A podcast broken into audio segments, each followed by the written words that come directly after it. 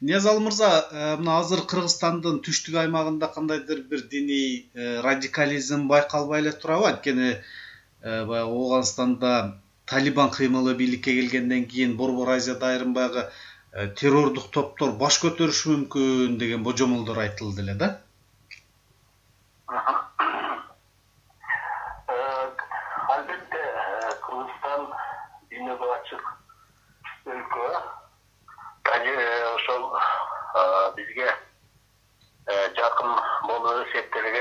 афганистандагы бийлик алмашуу ошо талибан кыймылынын ошол афганистандын баш башкаруусуна келиши бул кайсы бир мааниде өз таасирин берет деп ойлойм.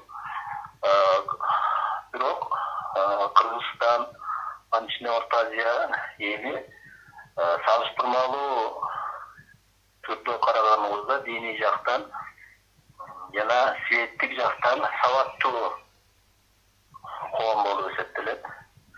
Э, мына ушул жагдайды эске алганда мындай радикалдашып ошол э, талибан э, кыймылдарынын ошол таасир астында калып калышы мүмкүн эмес. Ошол учурда азыр байкообуз боюнча мындай көзөмөлдөп ушу байкоочу абал бар да кандай болот экен деген. Ошол кандай болор экен деген байкоочу э, позиция эле көрүнүп турат ойлойм. Андай радикалдашкан э, бир э, таасирлер азыр жок. Негизи эле азыр радикал топтор менен э, мындан ары да күрөшүү үчүн кандай аракеттер көрүлүшү керек деп ойлойсуз өзү динде радикалдуулук жок. Диндин э, э, ошо доктринасында диндин канондорунда радикализм орун албайт. Бирок аны түшүнүүдө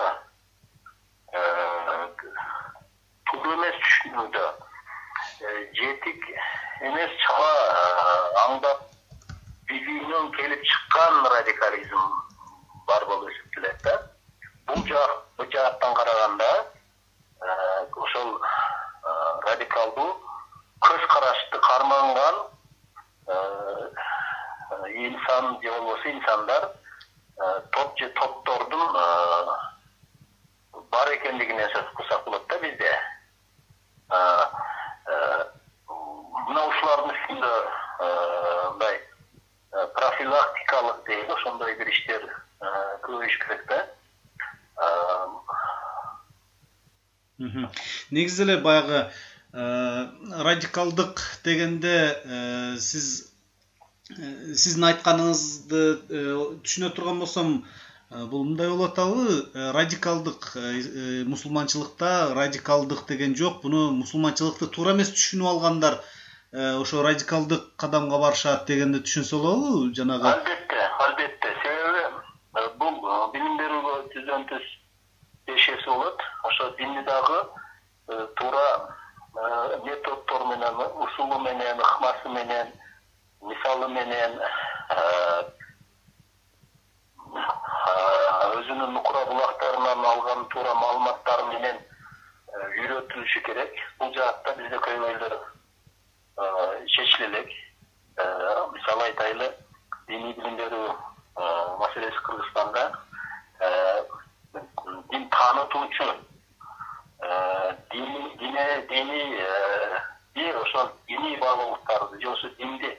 таанытуучу дин таануу багытын карманган сабактардын коюлбашы ошол жаштардын ошо стандарттуу диний билимде диний диний билим алуу программаларына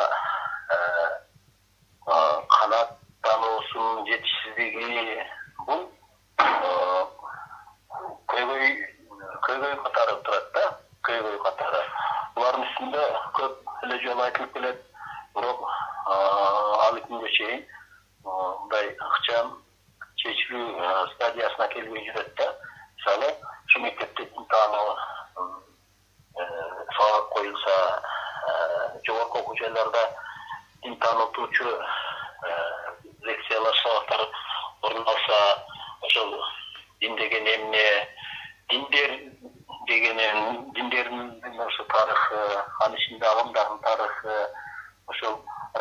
экстремизм эмнеден келип чыгат деген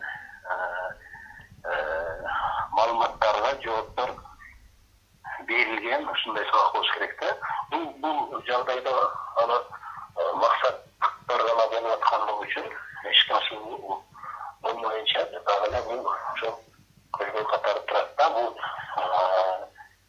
өзүнүн бир чечилүү бир деңгээлине жеткен бирок чечилиш керек да баары бир ошол барышыбыз керек негизи кыргызстанда үч миң үч жүз кырк сегиз диний уюм каттоодо турат экен да. Алардын эки миң тогуз жүз отузу ислам төрт жүз төртү христиан багытындагы уюмдар экен. Он экиси бахаи жамааты дейт бир иудей жана бир буддисттер жамааты экен. Ал эми баягы каттоодон өтөбүз деп аракет кылып жүрүшкөн баягы баптисттер сыяктуу диний секталарды көзөмөлдөө кандай болуп жатат эми кыргызстанда ошол конституция боюнча дин эркиндиги кепилденген өлкө болуп эсептелебиз да. Анан ошол учурда эл аралык адам укуктары декларацияларын баш ийип кабыл алганбыз. Демек ошол дин тутуу эркиндиги бизде толук кандуу мыйзамдык ченде коюлган коюлган эми ого прозелитисттик мындай аракеттер деп коюлат мындай атайын күттөр менен кайсы бир диний кыймыл өткөрүп алуу болбош керек да мындай бул кыйыртууга мажбурлоо катары каралып калат бул мыйзам боюнча тыюм салынган демек бизде сиз айткан христиан багытындагы секталар кайсы бир маанide өздөрүнүн эркин иш чарасын өткөрүүгө укуктары бар укук алган бирок анын ичинде алар прозелитисттик элементтер менен эмес эркин тандоосуна каалоосуна ыктыярдуулугуна негизделген гана тартип иш алып барыш керек да жарандары менен ошол иш алып барууда.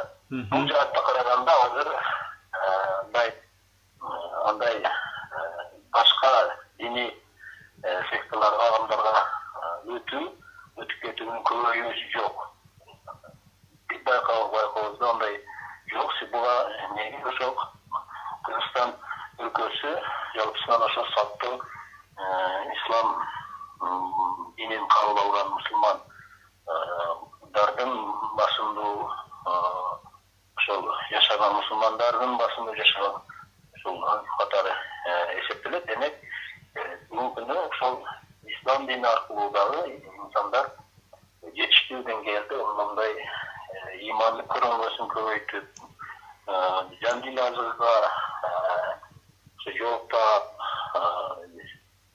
бул жакта өсүү бар да өсүү бар.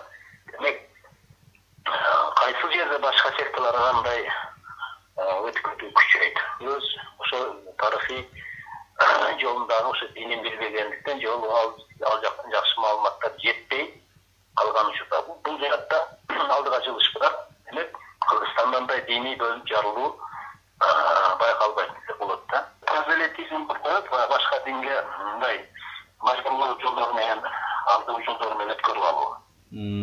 Ушулар бизде тыюу салынган ушуга жол берилбеши керек да. Кыргызстанда эки миң жыйырма биринчи жылдан эки миң жыйырма алтынчы жылга чейин э, диний чөйрөдөгү мамлекеттик саясатынын концепциясы кабыл алынды Э, мындай концепциялар э, буга чейин деле көп жолу кабыл алынган. Э, ушул кандай пайдасын тийгизет ушул концепциянын кабыл алынышы? Бул концепциянын негизги багыты дин менен мамлекет ортосундагы кызматташтыкты тескер туруучу негизгеэ болуп эсептелет. Ошол эле учурда ошол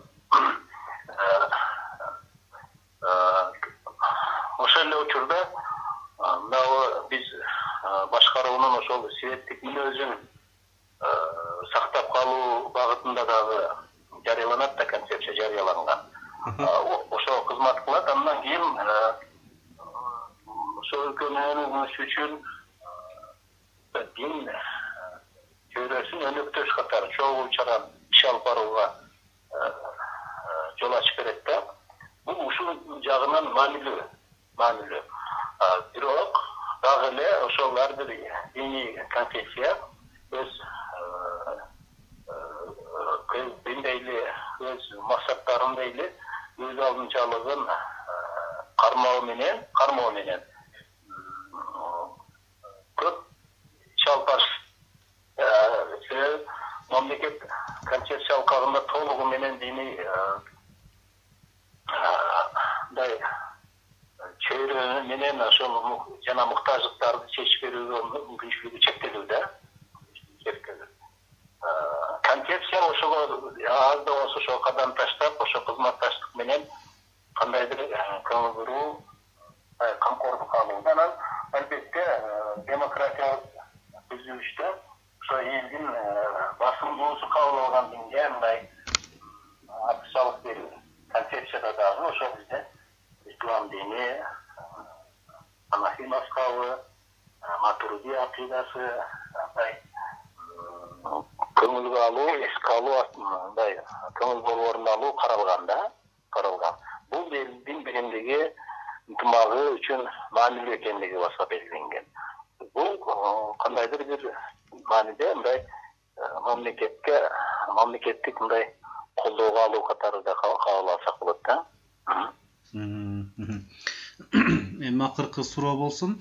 Э, кыргызстанда ханафи мазхабы анан матруди ишеними э, салттуу дин десек э, бирөөгө каршы чыгып мусулманчылыктагы башка көз караштагы башка агымдар дагы жашагандар бар ушул багыттачы.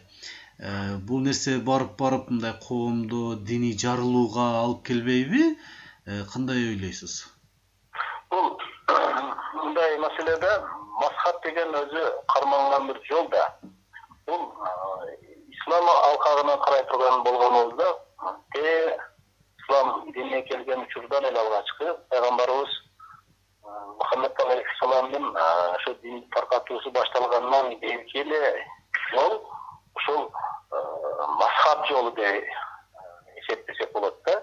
Ошол өзүнүн китептери менен далилдери менен анан орто азия эли катары анын ичинде кыргызстан ошол ханафи мазхабы матруди акыйдасы карманлуу ошол исламдын үйрөнүүнүн бир ушул жолу аркылуу жол аркылуу нукура таза исламды үйрөнүүнү кабыл алган да. Демек бул тээ тарыхый өтмүшү бар. Тээ бир он кылымдан өйдө бир бул өтмүш бар да бул максат матруди ишеними ханафи мазхабы дегенде.